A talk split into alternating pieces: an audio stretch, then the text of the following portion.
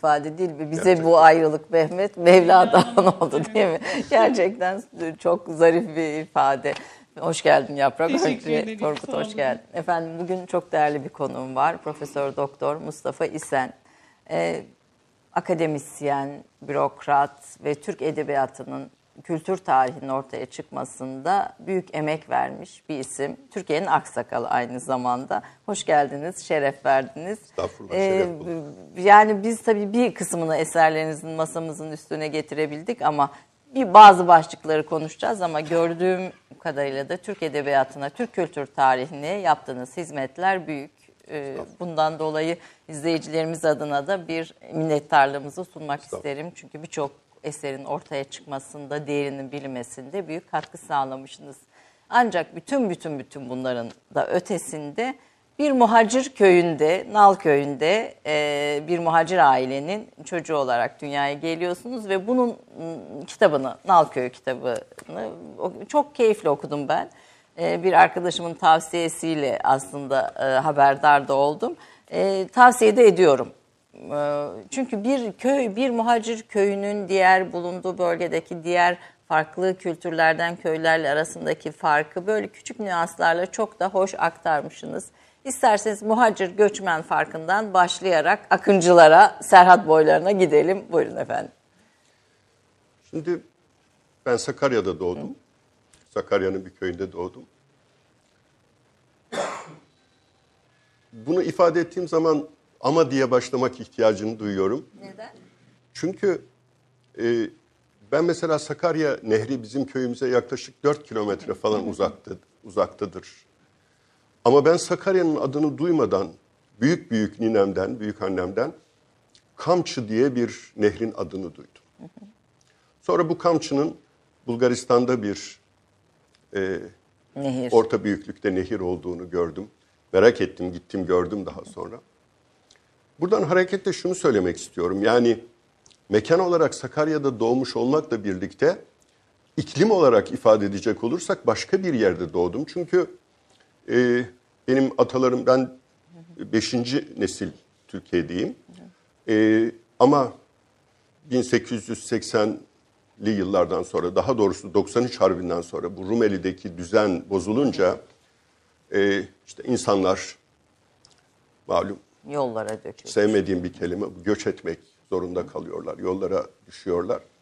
Bunun neticesinde de Sakarya'nın sözünü ettiğim köyüne gelip yerleşiyorlar. Göç bir defada olmuş bitmiş bir hadise değil. 1937'li yıllara kadar devam etmiş. Birbirlerinden haberdarlar ve e, devam eden bir süreç. Bu süreç çerçevesi içinde ama daima aşağı yukarı Bulgaristan'da Şumlu civarında Provedi'nin köylerinden gelmişler. Yakın köylerden o bölgede bizim köyün de dahil olduğu bölgede aşağı yukarı 14-15 muhacir köyü var. Bunlar daha önce e, var olan köylere yerleşmiyorlar. Sıfırdan kurulan köyler. Devlet tahsis etmiş. Yani evlerini ve her şeylerini mimari dahil kendileri yapıyorlar. Sıfırdan kuruyorlar. Yani bu bakımdan e, tamamen oradaki havayı yansıtan, sonraki yıllarda da gittim gördüm, kitapta da bunun örneklerini anlatıyorum. E, oradaki köyün havasıyla buradaki köyün havası arasında ne konuşma tarzı, ne duyuş, ne düşünüş, ne davranış bakımından herhangi bir fark yok. Yani orada da doğsaydım herhalde çok fazla bir şey fark etmeyecekti. Onun için amayla başlıyorum. Ama ondan önce bir şeyi vurgu yapmak istiyorum. Ee, Sakarya yerleşim olarak e, Türkiye'nin ilginç şehirlerinden birisi. O da yeni bir şehir biliyorsunuz. Evet, 1954'te il olmuş. Öyle çok eskiye yönelik bir geçmişi var tabii. Çok kadim yerleşim merkezleri var. Özellikle burada bahsettiğim mesela bizim Manav diye bahsettiğimiz insanlar ta Osmanlı'nın kuruluşuyla birlikte bu bölgeye gelmiş. Türkmenler. Türkmenler e, ve 1530'lu yıllardaki tahrirde bugün özellikle Geyve'nin, Taraklı'nın, Kaynarca'nın, Pamukova'nın köyleri o tarihlerde ve bugünkü isimleriyle mevcut. E, şehrin şöyle bir özelliği var.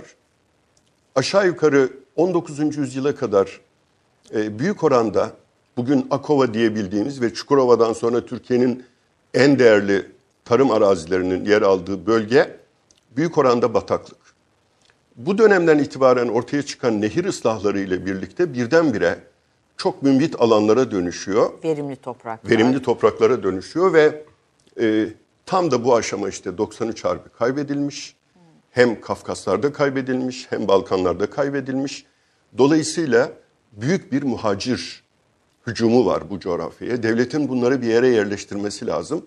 İşte tam bu aşamada e, Sakarya'nın bugünkü Adapazarı çevresindeki bölgelere, Düzce ve çevresindeki yörelere yerleştirilmesi gerçekleşmiştir. Bu yüzden buralar birer küçük Osmanlı gibidirler. Yani bir imparatorluk bakiyesi ve çok renkli bir kültürel yapı. şey diyorsunuz hatta kitapta Sakarya'da nerelisin diye sormazlar. Hangi millettensin diye sorarlar. Evet çok ilginçtir. Ben mesela yanımda bir arkadaşımla köyümüzdeki kahveye çıksak yani. Bana kaşla göz arasında sorulan soru şudur. Arkadaşın ne millet? Arkadaşın ne milleti? Yani kimi Evet. getirdin aramıza? Bu yani o millet özellikleriyle çünkü muamele görecek herhalde. muamele görmez. Yani orada bir tefrik edici ve ona göre bir yaklaşım değildir bu ama merak edilen bir şeydir. Yani onun mesela muhacir değil de Çerkez, Abaza, Gürcü, Boşnak falan olduğu ona karşı bir muamele, e, farklı bir muamele doğurmaz. Ben de aslında onların ne cevabı beklediklerini bilmeme rağmen biraz hinlik olsun diye Türk derim. Bunun cevabı şudur. Canım hepimiz Türk'üz. Arkadaşın ne millet? Ne milleti? Türk ama ne milleti? Evet, onun için böyle bir değerlendirme vardır ve bu yörede sorulan, merak edilen sorulardan birisidir bu. Bunu teorik olarak biliyordum. Ama siyasete e, fiilen başladıktan sonra bu defa köyleri tek tek gezmeye başladım. Başladık. Bir şey dikkatimi çekti ya. Ben dün bir köye gitmiştim. Bugün geldiğim köy o köye benziyor. Evvelki günkü gittiğim köy de falan köye benziyor. Bu köyler üzerinden bir Sosyoloji. bir akademisyenlik de var Serde. tabii, tabii. Bundan dolayı e, Bir kültür sosyolojisi aslında tabii. evet evet bu köy şuna benziyor çünkü o köyün özelliği şuydu. Ha o Çör- Çerkes köyüydü, bu da böyle. O Muhacir köyüydü, bu Karadenizli köyüydü, Manav köyüydü. Bu defa kafamda yer yer bunları sıralamaya başladım. Manav köyünün özellikleri şöyle oluyor, Çerkes köyünün özellikleri böyle oluyor, Muhacir köyünün özellikleri başka tür özellikler taşıyor. Giderek bu defa hakikaten merak etmeye başladım ve sormaya başladım. Şimdi ben Sakarya'da, Düzce'de, Kocaeli'nde bizim o çevrede herhangi bilmediğim bir köye gitsem yani 3. 5. dakikadan sonra size rahatlıkla bu köy e, şu millete aittir diye diyebilirim. E, buradan şunu söylemek istiyorum. Kimlik dediğimiz şey mimariye bu kadar yansır mı? Evlerine, içine, dışına herhalde bahçeye. Öncelikle, anlatıyorsunuz. öncelikle e, köyün ana ekseni yani ana yerleşimi. Mesela muhacir köylerinde mutlaka bir caddenin etrafına neredeyse bir mısırın taneleri gibi dizilmiş e, evlerle karşı karşıya kalır. Pomak veya Çerkezköy olsa mesela. Mesela Çerkes köyü olsa Çerkes köyünde de köyün ortasında mutlaka çok geniş. Yani çok geniş dediğim 30-40 dönüme varabilecek bir büyük meydan ve mesela hiçbir Çerkez evi iki kattan fazla değildir. Bir geniş bahçeden girilir. Bu bahçe düzenli bir bahçedir. Yani bunun fakirlikle ve zenginlikle bir alakası yok.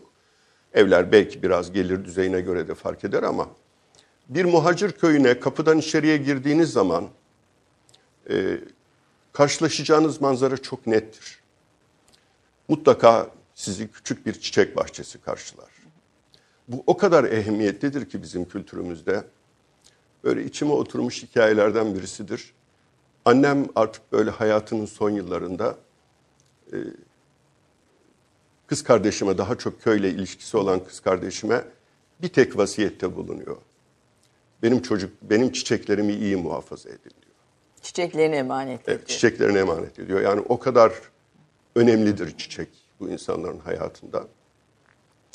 İşte geniş bir bahçe. Bahçenin altında çok ilginç mesela bizim yasak diye tabir ettiğimiz yani mahrem alan manasında bu yasak.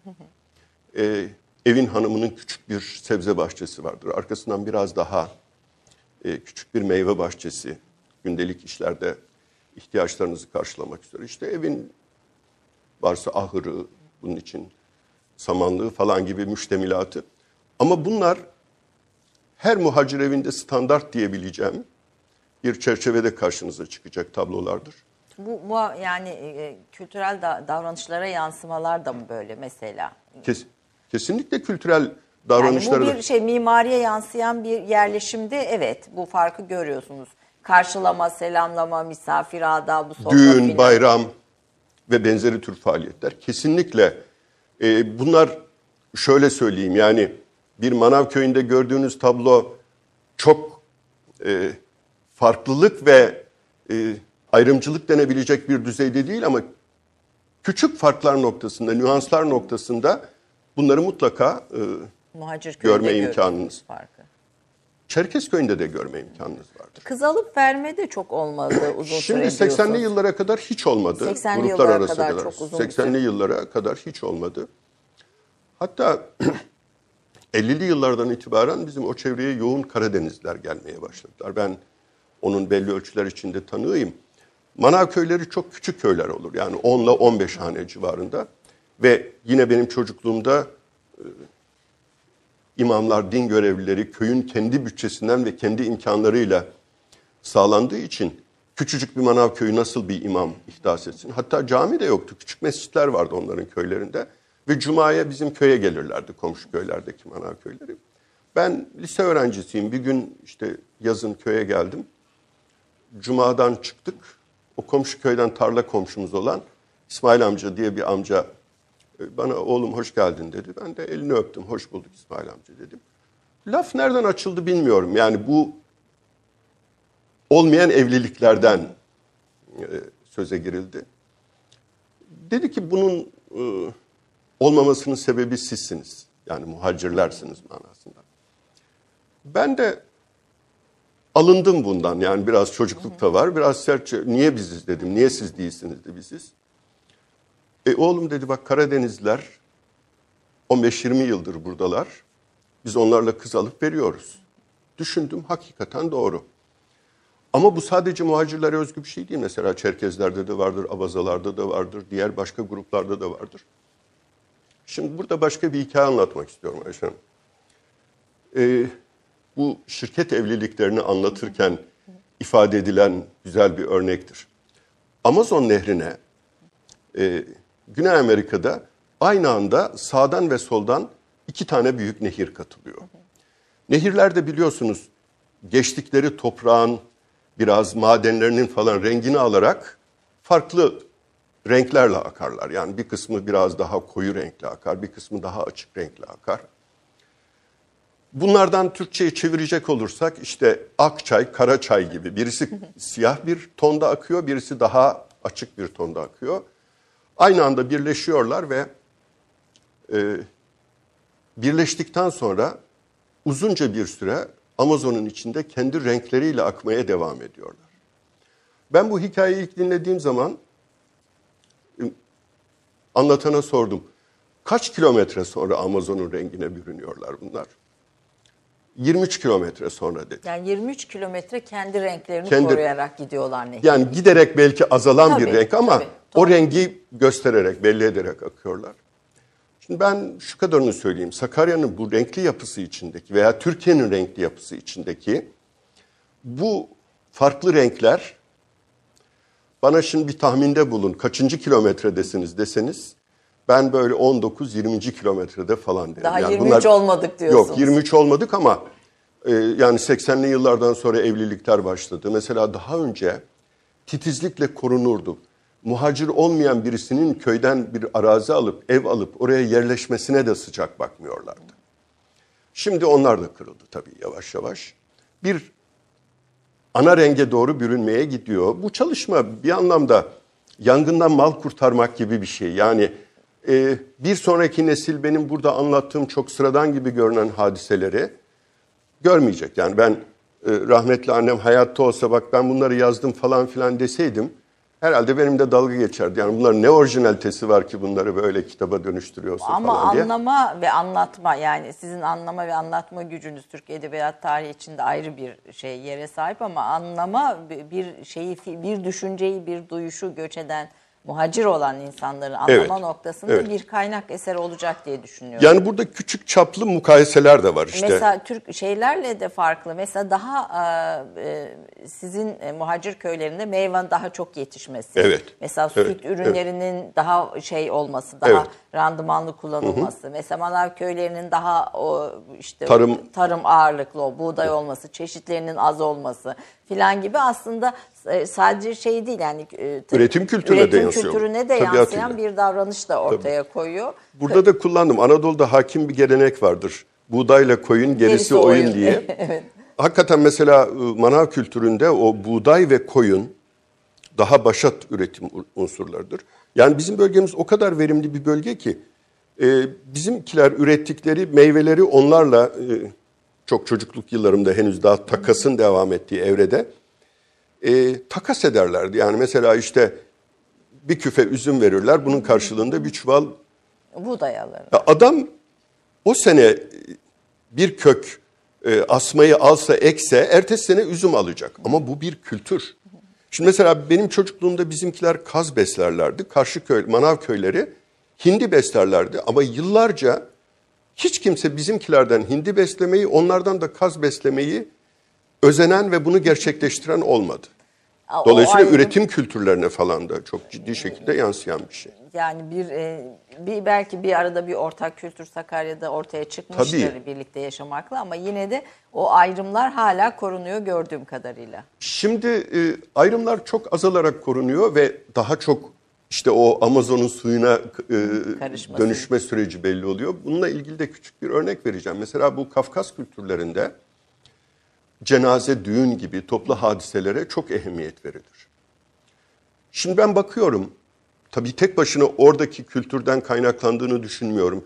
Yollar artık çok e, iyileşti, herkesin arabası var. Bunların getirdiği kolay bir iletişim e, imkanı da var ama mesela öbür grupların da düğünleri, düğünden çok cenazeleri falan daha daha kalabalık olmaya başladı. Ben böyle etkileşimlerden söz ediyorum.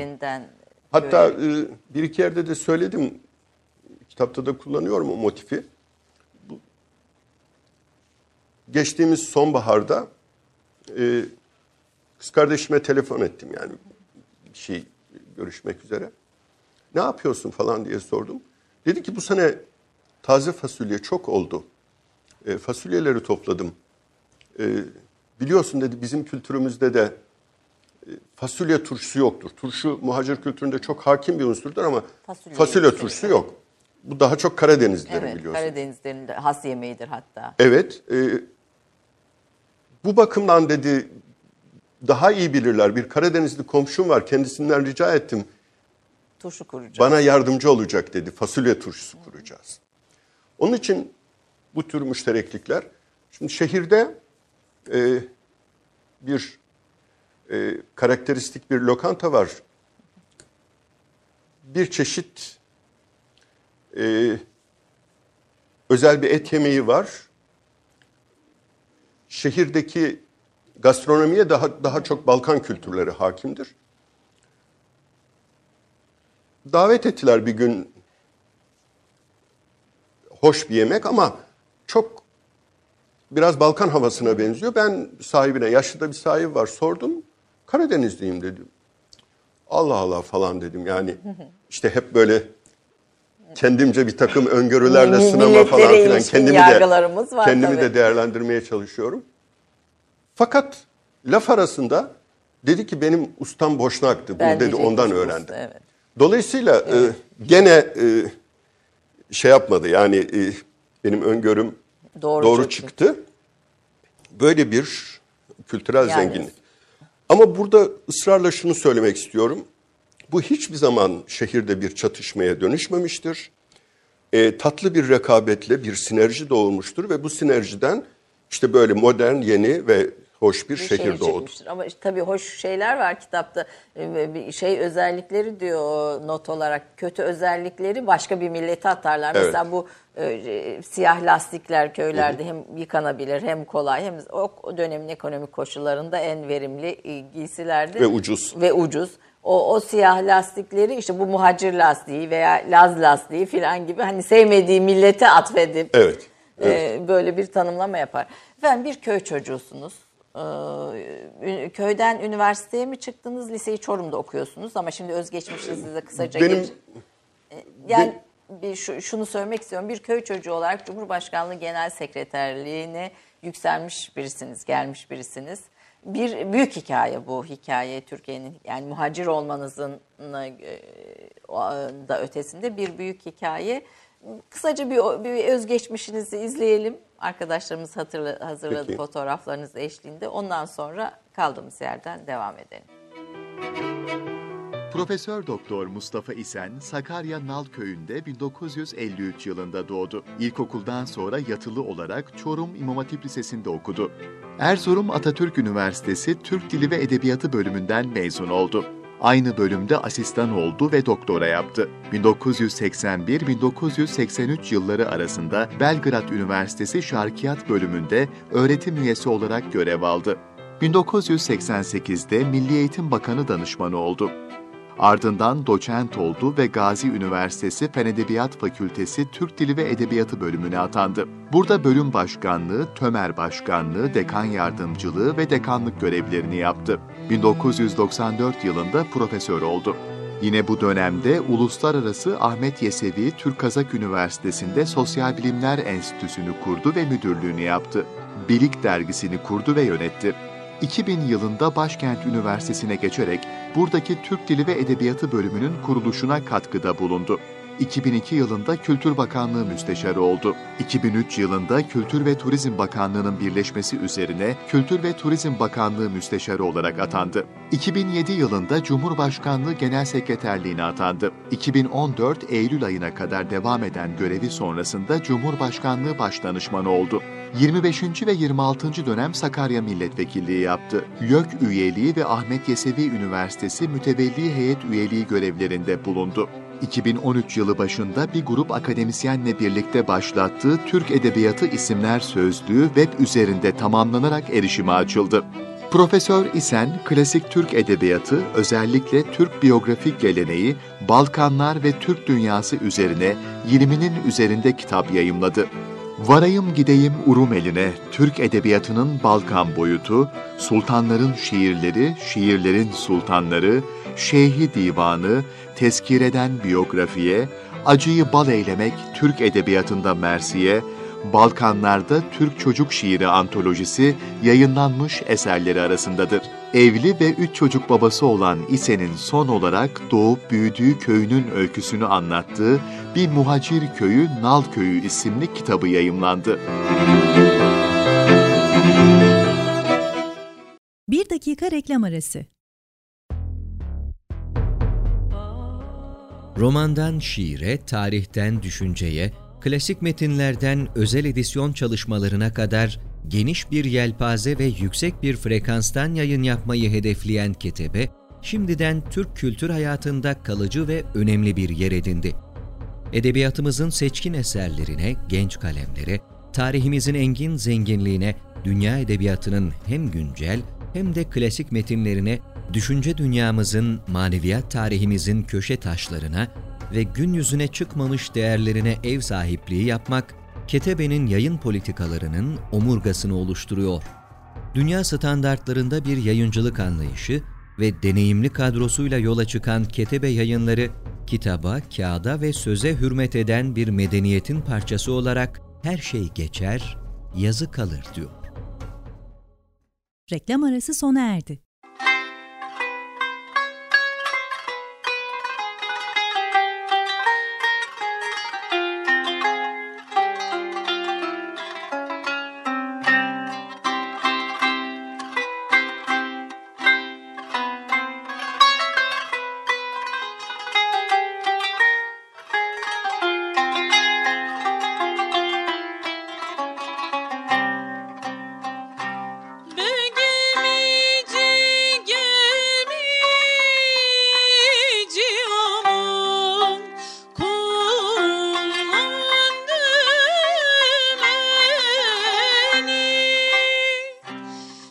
calling me.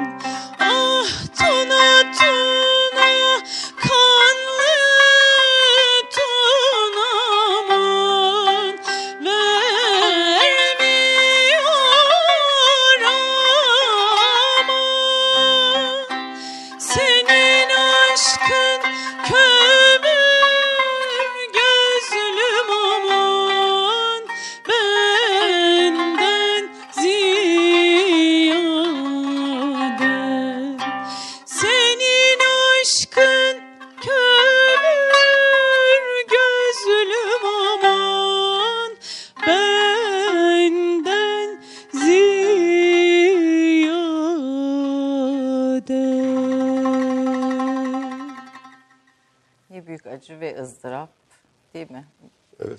Yaprak bu e, bir yörenin Balkan türküsünün bir yöresi var mı? Bir yeri E, Rumeli diye geçiyor Rumeli diye yöresi. geçiyor. Uğur Derman Hoca'dan galiba Evet aldım Uğur buradan. hocamızın bir programda bende rica ettiği bir türküydü.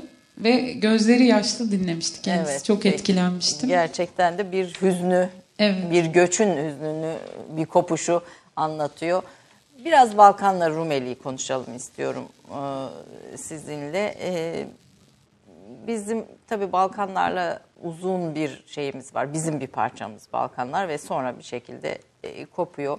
E, bu kopuş hayatımızda nelere sebep oldu? Belki biraz bunu e, konuşmak ama onun öncesinde işte akıncılarımızı, Rumeli beylerimizi, Rumeli beyler beylerimizi, şairlerimizi e, biraz bunların üzerinden başlayarak kısa bir Balkanlar turu edebiyatta, kültürde, Hay hay. tarihte yaptırın bize isterim. Biraz Rumeli'nin hüzün tarafını değil de ihtişam tarafını evet, konuşalım. Biraz ihtişam tarafını. Hüzün türkülerde bize evet, e, şarkılarda yansıyor. Şimdi Osmanlı Devleti aslında başlangıçta bir Balkan devleti olarak kuruldu. Ve Yavuz devrine gelinceye kadar da e, toprak bütünlüğü açısından bile bakacak olsak e, yer yer Anadolu'dakinin bir buçuk katı büyüklüğe ulaşmış bir e, tablodan söz edebiliriz. E, protokol bakımından da başlangıçta böyle bir e, durum söz konusuydu. Mesela Rumeli Beylerbeyi Anadolu Beylerbeyi'nde protokol bakımından öncedir. Rumeli Kazaskeri Anadolu Kazaskeri'nden e, protokol bakımından öncedir. Yavuz devriyle birlikte başka bir şekilde bu şu manaya gelmiyor. Anadolu'nun öbür bölgeleri Önemsiz tabii Türk ve. Türk ve Müslüman değildi gibi bir anlam. Ama onlar başka beyliklerin elinde. Osmanlı'da değildi manasında söylüyorum bunları. Ve çok erken yıllardan itibaren 1354 Üsküp'ün fethi İstanbul'un fethinden 65 yıl daha öncedir.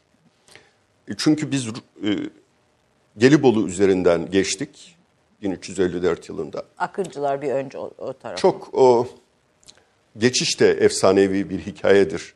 Orhan Gazi'nin oğlu Süleyman Paşa işte e, arkadaşlarıyla birlikte e, Lapseki yakınlarında karşı hayal meyal görünüyor.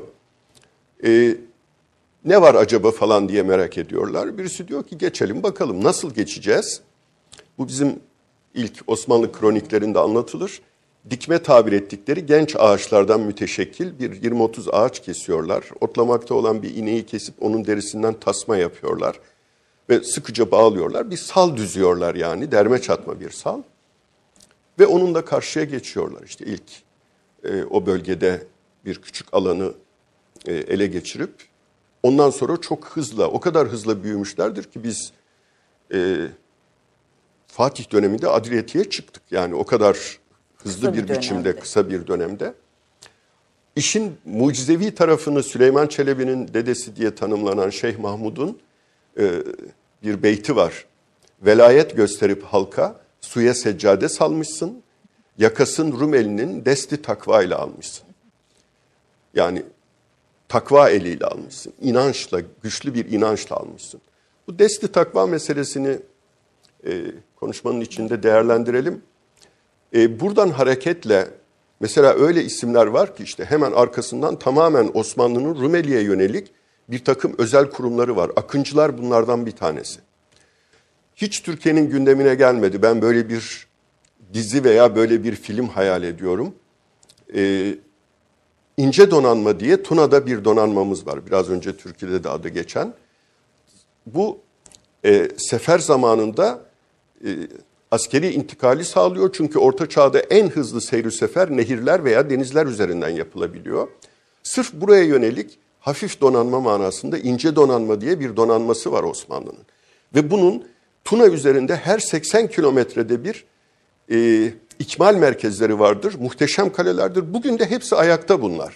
Hepsi de yaşıyor. Ve Hepsi de yaşıyorlar ve kurulmuş şehirlerdir bunlar. Yani her 80 kilometrede bir mesela e, Sırbistan için diyelim e, Rom Kalesi, Güvercinlik, e, Smederova, e, Belgrad ve Novi Pazar gibi e, eski adıyla Karlofça gibi şehirlerde bunları bugün de görmeniz mümkün. E, en müstahkemlerinden ve ayakta kalmış olanlardan birisi Karlofça'daki kaledir. E, Yani bugün bile gördüğünüz zaman e, neredeyse küçük dilinizi yutacak gibi olursunuz.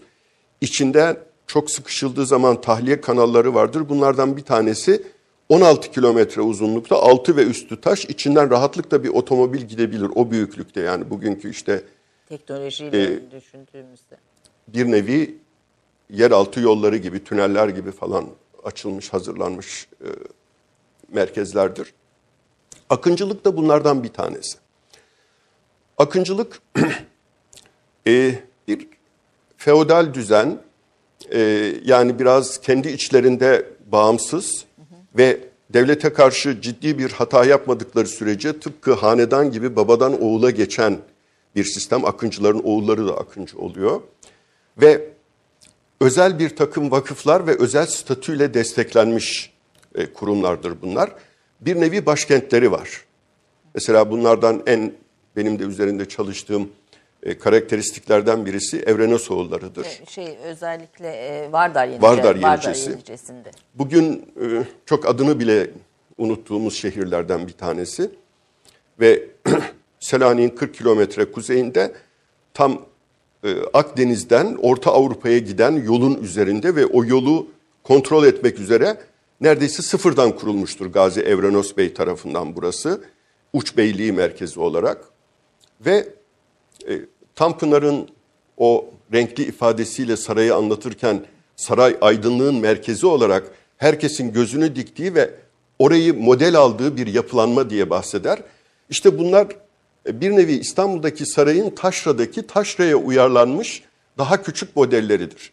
Aslında İstanbul'dan, merkezden çok uzaktalar. Yani bir anlamda uzaktalar ama merkezden çok daha ileri bir sanat üretim merkezi haline de geliyorlar üstelik. Yani merkezden daha ileri demeyelim ama merkezi örnek alan ama kendi şartlarını ve kendi ihtiyaçlarını da belirleyen bir yapıdan söz ediyoruz. Şimdi Osmanlı'da daha doğrusu bizim bütün orta çağ e, yapılanması çerçevesi içinde bey olmanın belli başlı özellikleri vardır. Beyseniz çevrenizde bir ulema grubunuz olacak, bir şairler grubunuz olacak, bir entelektüel kadronuz olacak. Dolayısıyla bunlar da e, mesela İstanbul Sarayı Baki gibi daha klasik bir şairi istihdam ederken ve onu himaye ederken e, uç beyleri yarın savaşa gidecek ve savaştan geriye dönecek mi dönmeyecek mi durumu belli olmayan gaziyi bir anlamda şarj edecek, Motive edecek. motive edecek derviş meşrep şairlere ihtiyaç duyarlar. Ve bunları etraflarında bulundururlar, bunları korurlar, gözetirler ve himaye ederler. Şimdi altını çizmek anlamında söylüyorum. Bir bey, bey olmanın şartlarından birisi etrafınızda bir şairler meclisi bulunacak, bir ulema bulunacak, bir bir dört, Hatta dört hatta erenlerden birileri bulunacak. erenlerden birisi bulunacak. Yani etrafınız bunlarla e, Tahkim edilecek. tahkim edilecek. Evet. Nitekim başlangıç itibariyle bu Balkan fetihlerinde e, Bektaşi dervişleri başta Kızıldeli Sultan olmak üzere Rumeli'de bunlar işte Kırcalı Baba. Demir Baba tekkelerinde işte bizim kolonizatör Türk dervişleri diye tanımladığımız isimler. Başlangıçta bunlar var. Mesela Evrenos Gazi'nin yanında erken dönemde Kızıldeli Sultan var. Kızıldeli Sultan'la ilişkisini kaynaklar belirtiyorlar. Fakat 16. yüzyıla girerken artık daha kurumsal bir tasavvufi yapıya ihtiyaç duyuyorlar. Duyuyor olmalılar ki bir Nakşi Şeyhini Abdullah İlahi'yi gelip özel ricalarla e, onun torunlarından Ahmet Bey alıp Vardar Yenicesi'ne götürüyor. Vardar Yenicesi'nde zaten kurulmuş ailenin dört ayrı vakfı var. Bu vakıflar e, insan yetiştiriyor. Nitekim bizim bu Kültür kültür insanı da yetişiyor. Kültür insanı. Sadece gaziler değil ki. şey, sadece gazi savaşanlar değil, e, tekkeler var, medreseler var, bir iktisadi denklik var ve Vardar Yenicesi'ni kurarken zaten gerçekten bugünkü manada düşünecek olursak müthiş bir mühendislik harikasıdır. Orta Çağ'da Akıncı'nın neredeyse e, insan kadar önemli bir diğer unsuru at. E, yapılan değerlendirmelere göre bir atın ortalama günde 4 kilo ot tüketmesi lazım ve 20 kiloya yakın da su tüketiyor. Dolayısıyla kurduğunuz şehir bunlara cevap verecek bir konumda olması lazım. Ben Vardar Yenicesi'ni hep merak ediyordum. Kitaplardan öğrendim. Bu arada Osmanlı kültür coğrafyası içinde en çok şair yetiştiren göreler sıralamasında 15. sırada Evet. olduğunu yazıyorsunuz. Evet. Ee, yani bu, bunlar öncelikle kitaplardan öğrendiğim bilgiler. İşte merak ederseniz kitaplar size çok farklı kapılar açıyor. Ben 16. yüzyıl biyografi kaynaklarından birisi olan Künül Ahbar'ın tezkire kısmı üzerinde çalıştım. Bu arada bir şair dikkatimi çekti. 305 şair vardır orada. Ee, Usuli diye bir şair. Bir örnek var orada. Vücudu mutlakın bahri ne mevci kim eder peyda. Enel hak sırrını söyler eğer mahfi eğer peyda diye. Müthiş lirik bir beyit. Çok merak ettim şu şiirin tamamını bulayım dedim. Şiirin tamamını buldum. Bazen bizim klasik şiirde vardır. Bir beyit ki eskiler onun adına mısrağı berceste derler. Çok dikkatinizi çeker ama şiirin tamamını o güzellikte göremezsiniz. Fakat bu şiiri okuduğum zaman yine eskilerin böyle baştan ayağa güzel manasında kullandıkları bir tabir vardır. Serapa güzel derler. Serapa güzel. Bu serapa güzel bir gazel. Şu adamın bir divanını bulayım var mı dedim. Divanını buldum. Böyle bizim aşık edebiyatı ile divan edebiyatı arasında tıpkı bu Rumeli türküleri gibi e, mesela Yenice'den esen seher yerleri bana Sultan Mustafa'dan haber ver. Unuttu mu gurbetteki kulları bana Sultan Mustafa'dan haber ver gibi Boğdurulan e, şehzade. Yo, o şehzade olduğunu zannetmiyorum. Başka Muhtemelen bir- başka evet, bir hikayeyi anlatıyor. Lirik, yalın ama yalınlıkta güzelliği yakalamış örnekler. Sonra Usuli'yi keşfettim. Usuli Vardar Yeniceli. Başka Hayali Bey var mesela 16. yüzyılın en büyük şairlerinden. Hatta Türk Edebiyatı'nın en büyük şairlerinden birisi. Nasıl oluyor falan derken Aşık Çelebi'nin bir ifadesine rastladım. Rumeli'den bahsederken diyor ki Prizren'de Nehari'nin hayatını anlatırken Prizren'de oğlan doğsa Ben tam onu soracaktım çünkü bizim e, sosyal medyada izleyenlerimizle etkileşimimiz de e, var sağ olsunlar. Onlar da konuklarımıza zaman zaman sorular yöneltiyorlar. E, onlardan birisi Halil Be- Bey'in bir şey vardı. E, bunu mutlaka sorun e, Mustafa İsen hocama diye siz böylece söylemiş oldunuz. Prizren'de oğlan doğsa adından önce mahlasını koyarlar. Mahlas bizim şairlerin Nam, evet, mahlas. kullandıkları takma ad diyelim. Çünkü Prizren'de doğan herkes şair olur. Bugün de öyledir. Prizren bugün Türkçenin de hala çok canlı yaşadığı yörelerden birisi. Şey Vardar Yenicesi'nde doğan oğlan baba diyecek vakit Farisi söyler diyor. Evet. Ee, Priştine'de doğan oğlan da Diviti belinde doğar. Evet. Yani her bir yörenin bir karakteristik özelliği var. özelliği var. Gerçekten de Priştineli şairlere bakın neredeyse tamamı katip. Böyle bir gelenek var. Diviti belinde yani. Diviti belinde doğuyor. belinde. Ee, Vardar Yenicesi'nden bahsederken de yani çocuk konuşmaya başlar başlamaz Farsça konuşmaya başlar. Yani orada bir edebiyat ortamı, bir kültürel ortam, Kültür san- Orada tabii o var zaman manası. Farsça edebiyat ve kültürün dili. kültürün dili. Ee, bundan dolayı çok önemserler ve ben Vardar Yenicesi'ni merak ettim. Bir sıralamam var benim Osmanlı kültür coğrafyası diye. Bu kültür coğrafyasının içinde çok ön sıralarda yer alıyor. Yani bir sürü büyük şehrin arkasında bu vesileyle de söyleyelim. Ee, Osmanlı kültür coğrafyası, daha doğrusu kültür biraz siyaseti geriden takip eder ama aşağı yukarı at başı özellikler gösterir. Mesela ben şimdi size de sorsam Osmanlı'da en çok şair yetiştiren şehir neresidir desem İstanbul İstanbul'dayız, diyeceksiniz. evet. Sonra neresi desem Bursa gelecek akla, Edirne gelecek akla, işte Konya, Diyarbakır falan gelecek. İşte bu sıralamada mesela bir takım önemli şehirlerin önüne geçerek Allah Allah niye Vardar Yenicesi bu kadar çok şair yetiştiriyor diye sorunca burası Evrenesoğulları'nın merkezi. Akıncılık. E, İtalya'nın Medici ailesini hep söylerler. Tabii. Aslında İtalya'nın Med- Tabii. Medici ailesinin, Floransa'nın bir şeyi Evet. burası da. ve çok enteresan akıncılık 17. yüzyılın ortalarında falan biter öyle bir kurum. Daha kurumsal bir başka yapıya geçilir. 17. yüzyıldan sonra Vardar Yeniceli bir tane şair yok. Yani akıncılık bitince şair çünkü Şair. onları himaye eden himaye edecek bir sistem de ortadan sistem. kalkıyor. O bakımdan usulü de e, Evrene Soğulları'nın Hayali Bey aynı şekilde, Hayreti aynı şekilde bunlar 16. yüzyılın büyük şairleri. ve akıncılık gibi ilk bakışta tamamen böyle savaşı çağrıştıran, vurmayı kırmayı çağrıştıran bir sistemin bile Osmanlı'da nasıl Zerafetle bir şairlerle. bir kültür kurumuna dönüştüğünün e, ilginç örneklerinden birisi. Tabii bu, bunu Osmanlı gittiği coğrafyada hiçbir etki oluşturmadı e, diye, diye bir söylemi de hani çok sık söylüyoruz. Bu çok yanlış bir yaklaşım. Bu söylediğiniz bunun tam tersi bir şeyi ortaya koyuyor. Yani Osmanlı e, eğitim sistemi hakikaten güçlü bir eğitim sistemidir. Size şu kadarını söyleyeyim. Mesela daha doğrusu bunu Osmanlı'yı demeyelim. Din birliği üzerine kurulan büyük medeniyetler içlerine aldıkları unsurları güçlü bir biçimde dönüştürürler. Yani ilginçtir bizim e, Bosna'da yaşayan bir divan şairimizle Konya'da yaşayan bir divan şairimiz, Diyarbakır'da, Bağdat'ta yaşayan bir divan şairimizin arasında duyuş ve ifade ediş açısından, benzetmeler açısından bir fark olmadığı gibi Orta Asya'da yaşayan bir ve Türkçe yazan bir şairde mesela Nevai gibi, Hüseyin Baykara gibi, Babür gibi Hindistan'da yaşayan bir şairimizin arasında da e, müthiş bir benzerlik vardır.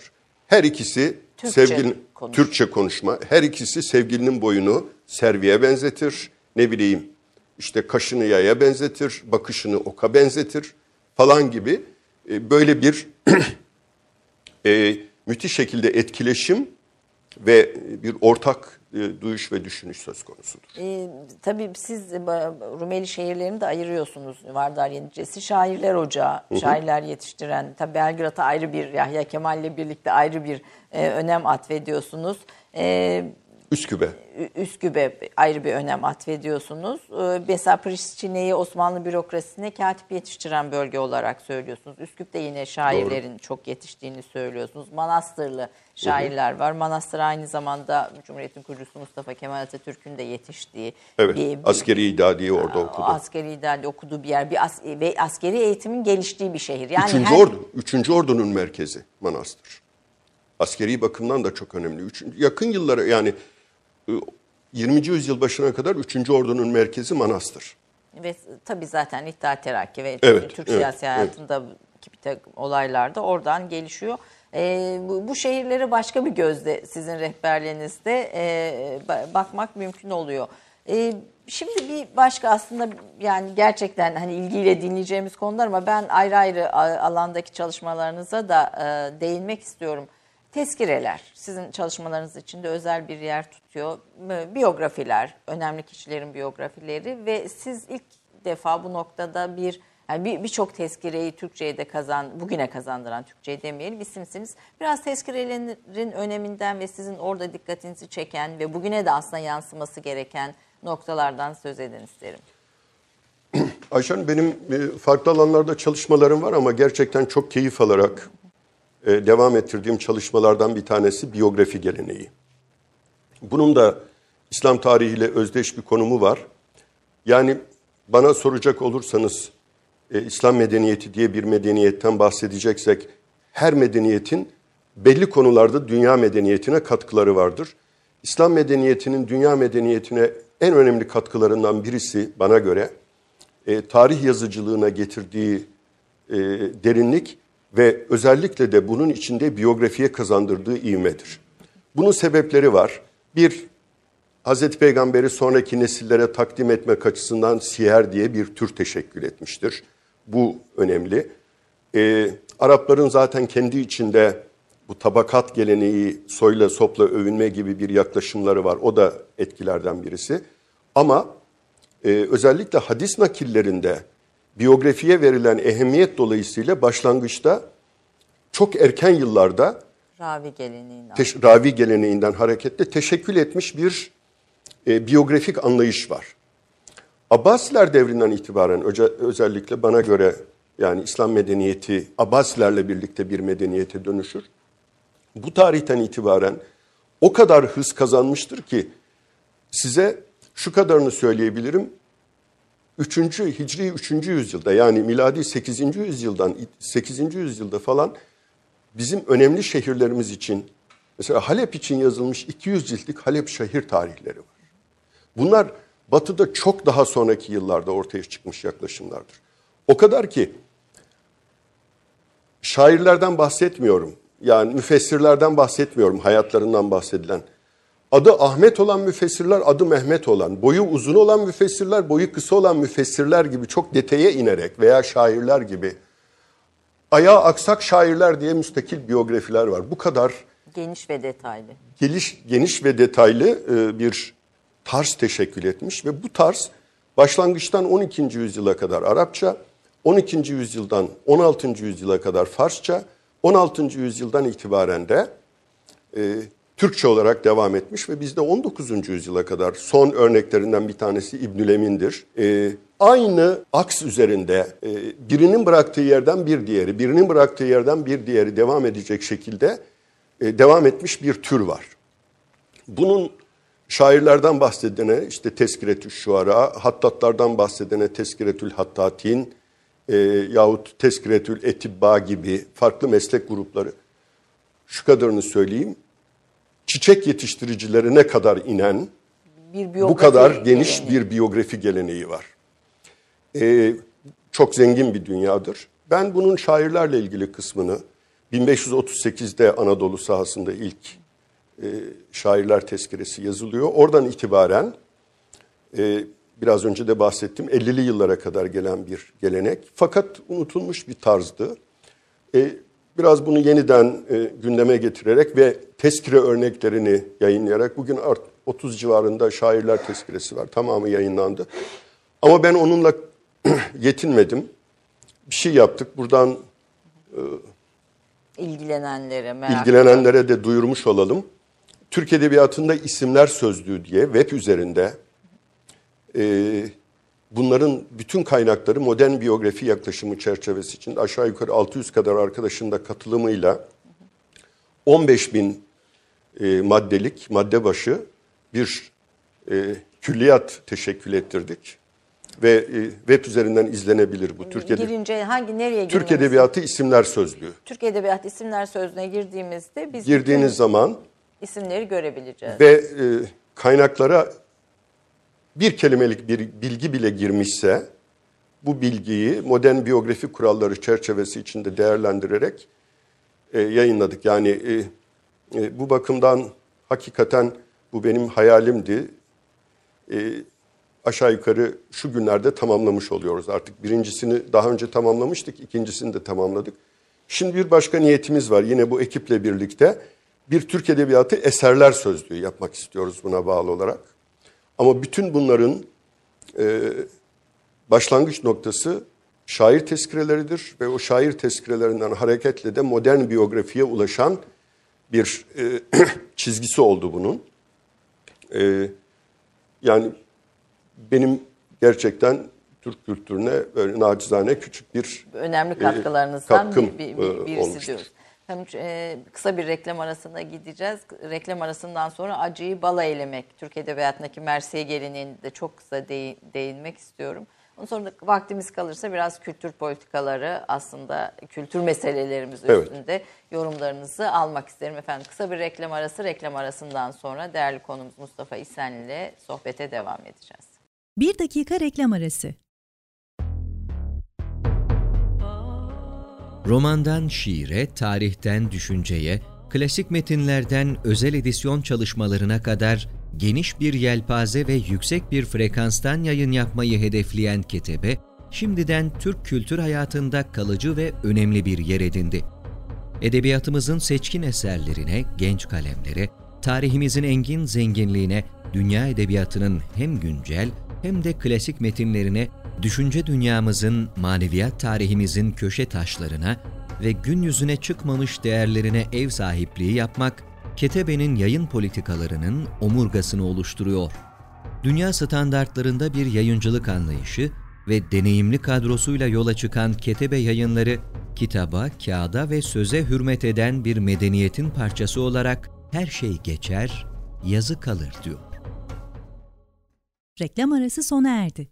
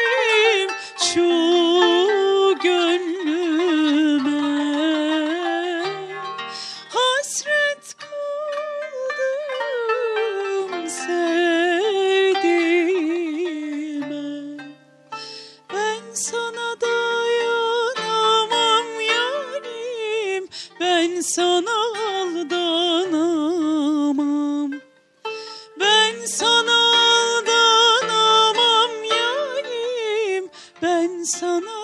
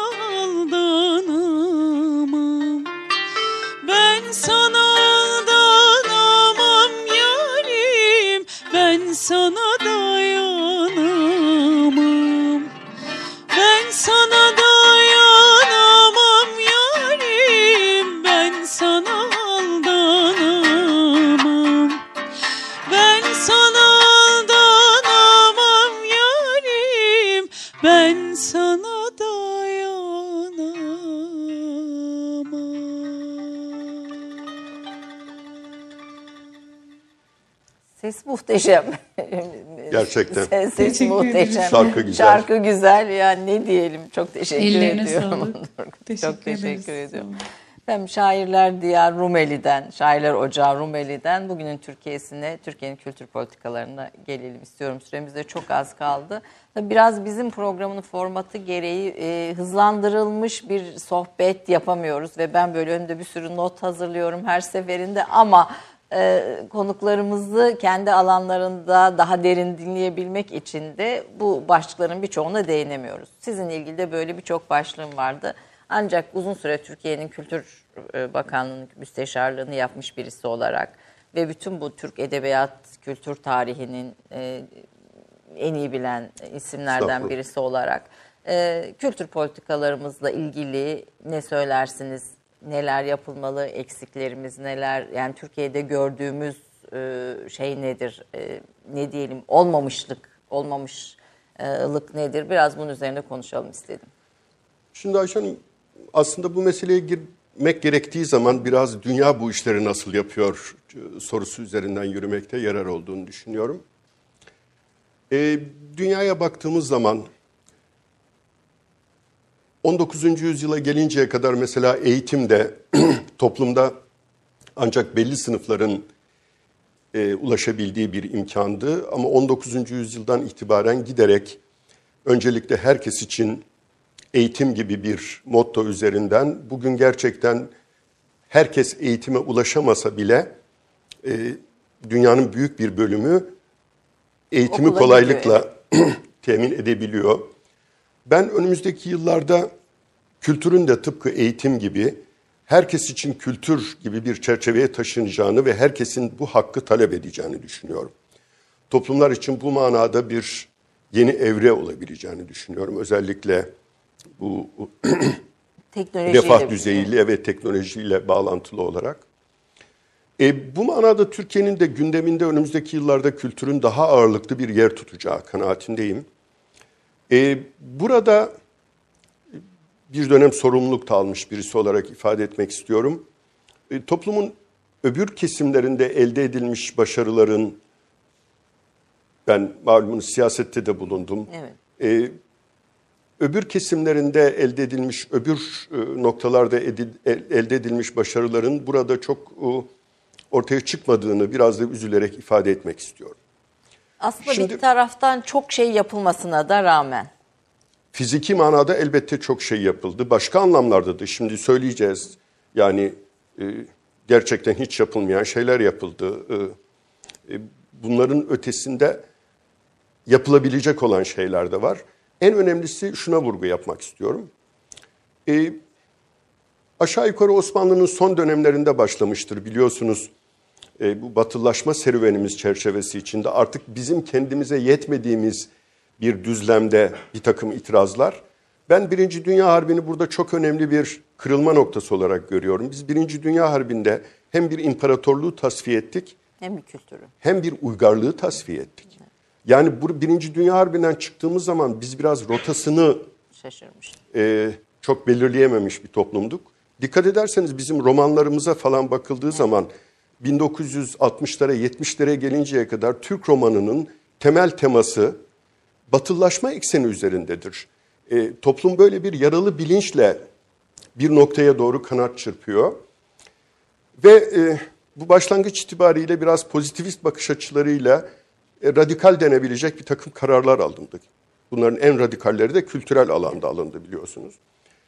Ve bu gibi inkılapçı yaklaşımlar çerçevesi içinde başlangıçta bunlar olabilir ama toplumun aydınlarına düşen bunların sivriliklerini zaman içinde törpüleyip daha normal bir çerçeveye taşımak olmalıdır.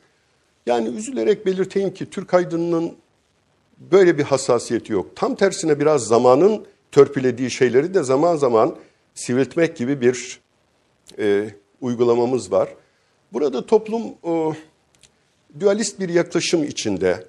Belli çevreler daha hegemonik davranıyorlar bu kültürel meselelerle alakalı olarak. Bir konsensüs yakalayamadık. Buna bağlı olarak da bir e,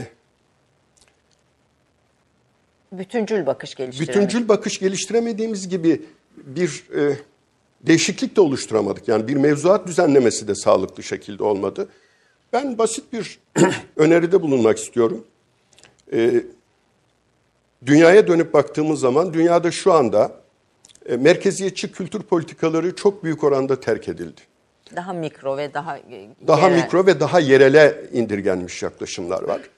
E, mesela İngiltere örneği bunlardan birisidir. Yani bir taraftan öyle ama bir taraftan dizi ve sinema sektörüyle birlikte aslında merkezi bir kültür politikası uygulanıyor diyebiliriz. şüphesiz kültür politikası uygulanıyor ama burada devlet bizde olduğu gibi hem düzenleyici hem destekleyici hem icracı değil. Değil, evet. Yani ben e, devletin desteklerinin kültürde artarak devam etmesinden yanayım. Ama devletin düzenleyici konumunu da devam ettirmesinden yanayım. Ama devlet icracı noktadan e, Çekilmeli. çekilmeli. E, bizde olmayan bu.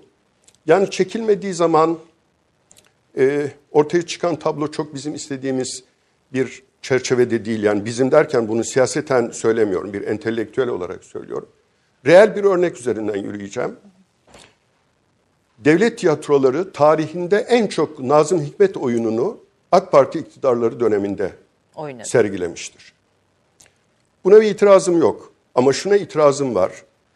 Devlet tiyatrolarının özel bir yapısı var. Biz o gün müsteşarken de ben defaatle bu arkadaşlarla ya Nazım oynuyorsunuz buna bir şey demiyoruz. Ama bakın Nazım kadar tiyatro alanında değerli olduğuna inandığımız Başka eser şairler. mesela Evet. Necip Fazıl var. Evet.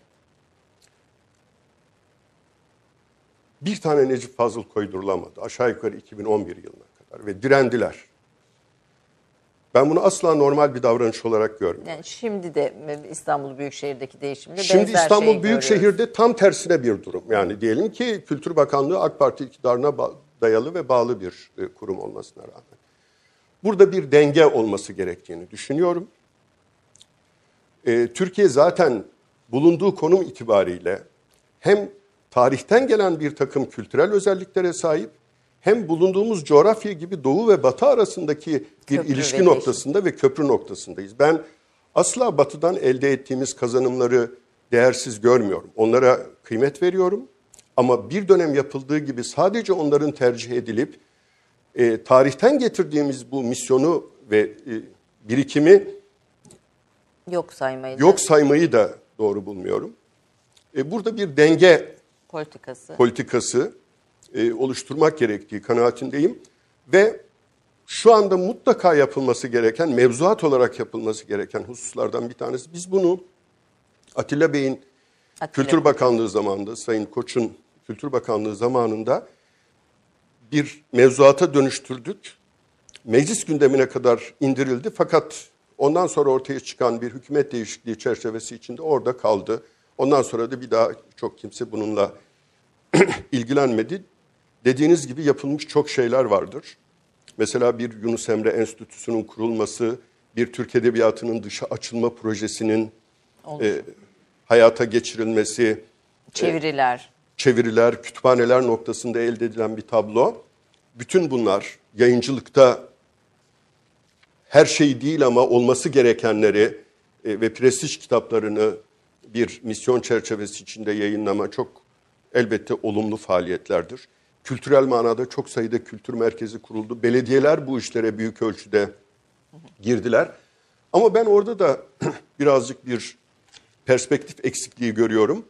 Tamamen kişilere bağlı. Yani A noktasında bakıyorsunuz, hadi isim vererek ifade edelim mesela. Zeytinburnu Belediyesi'ne bakıyorsunuz, fevkalade başarılı örnekler veriyor ama ondan daha iyi durumda yani maddi manada ondan daha iyi durumda olan bir başka belediye başkanı bu işe çok ilgi göstermediği için aynı oranda bir zenginlikten söz edemiyoruz. Yani burada kişisel tercihler her zaman her yerde geçerlidir. Buna itirazım yok ama kişisel tercihlere bırakmayacak bir mevzuatla da bu işi dengelemenin gerekli gerektiğini olduğunu düşünüyorum. Ee, çok az süremiz kaldı. Siz aynı zamanda e, Türkiye'de okuma oranının e, düştüğüne ilişkin e, it- itirazlara yani daha doğrusu fikre ka- katılmıyorsunuz. Böyle bir kanaatiniz yok. Okuma oranının arttığını söylüyorsunuz. Biraz bu konuda da çok kısaca dinlemek isterim Yani sizi. Türkiye'de kitap okunmuyor iddiası çok eskiden beri dikkate, dikkatlerde olan bir husustur. Ben bunun bir şehir efsanesi olduğu kanaatindeyim.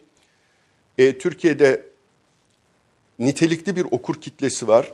Dünyada bu manada da dünya ile mukayese edecek olursak böyle İngilizce, Fransızca gibi birkaç dilin e, A grubu diye tanımlayacak olursak bir altında yer alıyor Türkçe. E, ve e, Türkiye'de yayınlanan kitap sayısı. E, rakam vererek konuşacağım burada. 2000'li yıllarda Türkiye'de basılan kitap sayısı 10 bin civarındadır. Şimdi 2018 şey 2018 sonu rakamlarını söylüyorum. E, aşağı yukarı 70 bin civarında. çok büyük. Yani 7 kat bir bu kitapların bir okuyucusu var. Türkiye'de tirajlarda büyük bir artış olmadı hala ama nitelikli bir okur var. Mesela burada da dikkat çeken bir husus. e, bu kitapların aşağı yukarı yüzde 42'si tarihle ilgili kitaplar. bir hafızasını tazelemek Bu da istiyor. çok ilginç. Toplum bir hafıza tazeleme gayreti içinde. Nitekim bundan iki yıl kadar önce e, Nüfus ve Vatandaşlık İşleri Genel Müdürlüğü geriye doğru e, bu bilgileri açtı ve kilitlenmeler oldu. Yani toplum biraz kendi tarihini ve kişisel tarihini insanlar işte biraz benim bu Kitap- Muhacir kitabı Köyü da ile bunu- ilgili kitap da bunun bir ürünüdür. İnsanlarda bir geriye doğru bir hafıza tazeleme e, çabası var. E, ben bunu da e, toplum adına olumlu bir yaklaşım olarak görüyorum. Ee, bir çok az bir zamanımız kaldı. Sizin Mersiyeler, Dile Duran Ölüm. Ben şöyle kitabı göstereyim çünkü biraz aslında bu Mersiyeler üzerine konuşmak istiyordum. Bu coğrafya e, ölümlerle, her coğrafya öyle sonuçta hani bu coğrafya diye ayırmak da yanlış bir şey. Ölümle karşılaşan ve buna sanatla e, Mukabele eden. mukabele eden bir coğrafya. Ee, bu e, kadim bir insanlık e, durumuna karşı bir sanatla dokunuş bu Mersiyeler. Bunun üzerine bu kitapta çok hoş şeyler var. Çok hoş, çok güzel bilgiler var. Bunu izleyicilerimize tavsiye edelim. Ama çok kısaca biraz bizim Mersiye kültürümüzü de böyle bir iki cümleyle söyleyin isterim. Şimdi e, ben bunu karşılaştığım arkadaşlarla da zaman zaman konuşuyorum. E, bizim biyografi kaynakları ilk şiir yazan kişinin Hazreti Adem olduğunu söylerler. Yani ne olabilir diye soruyorum bu karşılaştığım arkadaşlara. Herhalde ya çok coşkulu bir sevincini ifade etmek istemiştir insan veya çok güçlü bir hüznü ifade etmek istemiştir. Bu Habil Kabil hikayesini Evet, biliyorsunuz. evet. Bu iki kardeşten Her birisinin diğerini öldürmesini. İşte ilk şiirin Hazreti Adem'in oğlunun e, öldürülmesi üzerine söylediği ifade edilir. Bir mersiyedir yani ilk insanın yazdığı ilk şiir. Bu bakımdan insanlıkla yaşıt şiir geleneklerinden birisidir. Mersiyeler. Ee, belki hayatta tek gerçek ölüm. Ee, bu, bu ölüm karşısında da insanın duygularını biraz sanatsal bir biçimde ifade edecek. Türk Edebiyatı'nda ağıt diyoruz. Ee, Mersiye bizim klasik kültürdeki adıdır. Ee, burada tabii bir ölüm düşüncesi ve ölüm düşüncesine bakışın değiş değişimini de Mersiyeler üzerinden e, izlemek mümkün. Aslında bir uygarlık, bir medeniyet bakışını da yine Mersiyeler üzerinden, Üzerinden belki okumak mümkün. mümkündür. Ee, yine bir iki cümleyle Türkoloji bölümleri yani Türkiye'deki daha doğrusu Türk Edebiyatı çalışmaları üzerinize de fikrinizi almak isterim. Ben belki daha geniş bir perspektiften bakarak Türkiye'de e, sosyal bilimler üzerinden bakmak istiyorum. Yani Türkiye'de fen bilimler az çok dünya ile ilgili bir e, standart yakaladı ve buradan daha somut bir yaklaşım çerçevesi içinde gidiyor. Ama Türkiye'de sosyal bilimler kendisine sağlıklı bir ortam oluşturamadı ve çok e, başlangıç itibariyle e, 30'lu yıllarda biraz Gökalp'in ve e, Köprü'nün kurguladığı aks üzerinde devam ediyor. Halbuki bugün şartlar çok değişmiştir. E, bir bilim adamının öncelikle görevi kendisinden önce üretilmiş e, bilgiye saygı duymak ve bunu üretenlere e, teşekkürlerini ifade etmektir. Ama ondan sonra da yapacağı iş varsa onların eksikliklerini ikmal etmek Ve, Ve yeni ortaya koymak. yeni bakış açıları ortaya koymak. Köprülü kendi döneminde büyük bir bilim adamıdır ve e, o günün kültür politikaları doğrusunda bir e, vizyon ortaya koymuş ve bunun ürünlerini gerçekleştirmiştir. Ben bugün onun ötesine geçecek bir hamle yapmak gerektiğini düşünüyorum. Maalesef o hamleyi yapamadı henüz Türkiye'de. Ve- Türkoloji, tarih ve sosyal bilimler. Yani diğer bütün doğuyu ilgilendiren bilimler Evet. de buradan geliyor. Evet. Efendim son bir şey söylemek isterseniz ne söylersiniz? Bu arada müziğe vaktimiz kalacak mı? Kalmıyor. Peki e, sizinle bitirelim. E, Tüm bu çalışmaların bu kadar kültür sanatının, Türk Edebiyatı'nın, kültür tarihinin içinden geçen bir ömür. Bir köy çocuğunun Cumhurbaşkanlığı Genel Sekreterliğine uzanan yolculuğu ve, Tür- ve Türkiye'nin aksakalısınız aynı zamanda. E, bu, bu çok kısa bu aksakala da aslında değinmek istiyorum. Sizin biyografinizde e, o notu eksik bırakmışız biz de. E, bu Türkiye Cumhuriyetlerinin arasında kurulan bir şey, bir heyet, Türk Konseyi'nin bir konseyinin bir heyetisiniz bir- siz de. Bir ara yapılanmasından birisi yani e, unsurlarından birisi. Sakallarınız ülkenin- aklaşmış. Evet, benim bu ilk öyle bir espriyle tamamlayalım. E, takdim edildiğim zaman e, Kazakistan Cumhurbaşkanı bizim Cumhurbaşkanımız Türkiye'nin aksakalı diye e, Sayın Nazar Bey bana baktı ve Cumhurbaşkanımıza dönüp iyi de sizin aksakalınızın sakalından vazgeçtim bıyığı da yok dedi. dedi. Eyvah eyvah. Ondan sonra durum bu. Şimdi artık her ikisi de var. Bu Türkiye Cumhuriyetleri arasındaki kültürü yaşatmak e, misyonu E, Türk olan. Konseyi diye Türkiye ile Türk Cumhuriyetleri arasındaki ilişkileri tanzim eden önemli kuruluşlardan bir tanesi. Burada işte devlet başkanları e, var, e, dışişleri bakanları var ve her ülkeden bir temsilcinin de katıldığı bir Aksakallar Konseyi var. Bir nevi her yıl toplanıyor devlet başkanları. Buraya gündem hazırlamak ve altyapısını teşekkül ettirmekle görevli bir Akil Adamlar Konseyi diye. Türk dünyasının gündeminde bir başlık var mı bu dönemler? E, Türk dünyasının gündeminde onu çok uzun konuşmak lazım. Her yıl bir somut mesele gündeme taşınıyor ve bunun hazırlıkları yapılarak mesela en son Eylül ayında yapılan toplantıda e, küçük ve orta ölçekli işletmeler masaya yatırıldı. Daha önce turizm yatırıldı, eğitim yatırıldı, Her iletişim yatırıldı. Her dönem bir mesele ağırlıklı olarak gündeme getiriliyor. Efendim, çok çok teşekkür ediyorum. Ben hem teşekkür Balkanları ederim. bize taşıdınız hem Rumeli hem Türkiye'deki Rumelilileri bize taşıdınız. Hem muhacir ve göçmen ayrımını ortaya koydunuz. Bunun Türk kültüründe başka bir anlama getirdiğini hem de kültür e, politikaları üzerine bir perspektif sundunuz. Çok teşekkür ediyorum. Ben Sağ olun katıldınız Yaprak Turgut. Çok teşekkür ediyorum güzel sesinizle. Efendim bir Türk kahvesinin daha sonuna geldik. Yine Türkiye'nin değerlerinden, birikimiyle, icraatlarıyla, ortaya koyduğu eserlerle Türkiye'ye değer katan isimlerden birisini Profesör Doktor Mustafa İsen'i konuk ettik. Haftaya bir başka konukta görüşmek üzere. Hoşçakalın diyorum.